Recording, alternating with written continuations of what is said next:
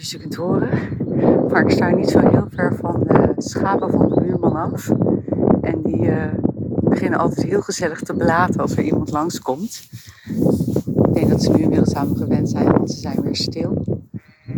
Ah, daar ging er weer heen. Ik hoop dat je het hoort. Het is zo schattig.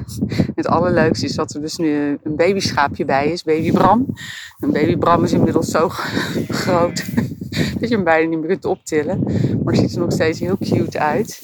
Um, gisteren hebben we hier de um, tamme kastanje geplant. En ik ben even aan het kijken hoe het met hem is. En hij ziet er lekker stevig uit. Hij heeft onderaan zijn stam onwijs veel uitlopers. En volgens mij moet ik die eraf snoeien.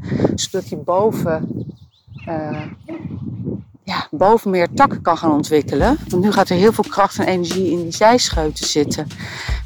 Ik twijfel een beetje, omdat ik niet zeker weet of het nog kan. Want hij zit al aardig in de knop. Um, ik denk als ik het ga doen, dat ik het nu moet doen.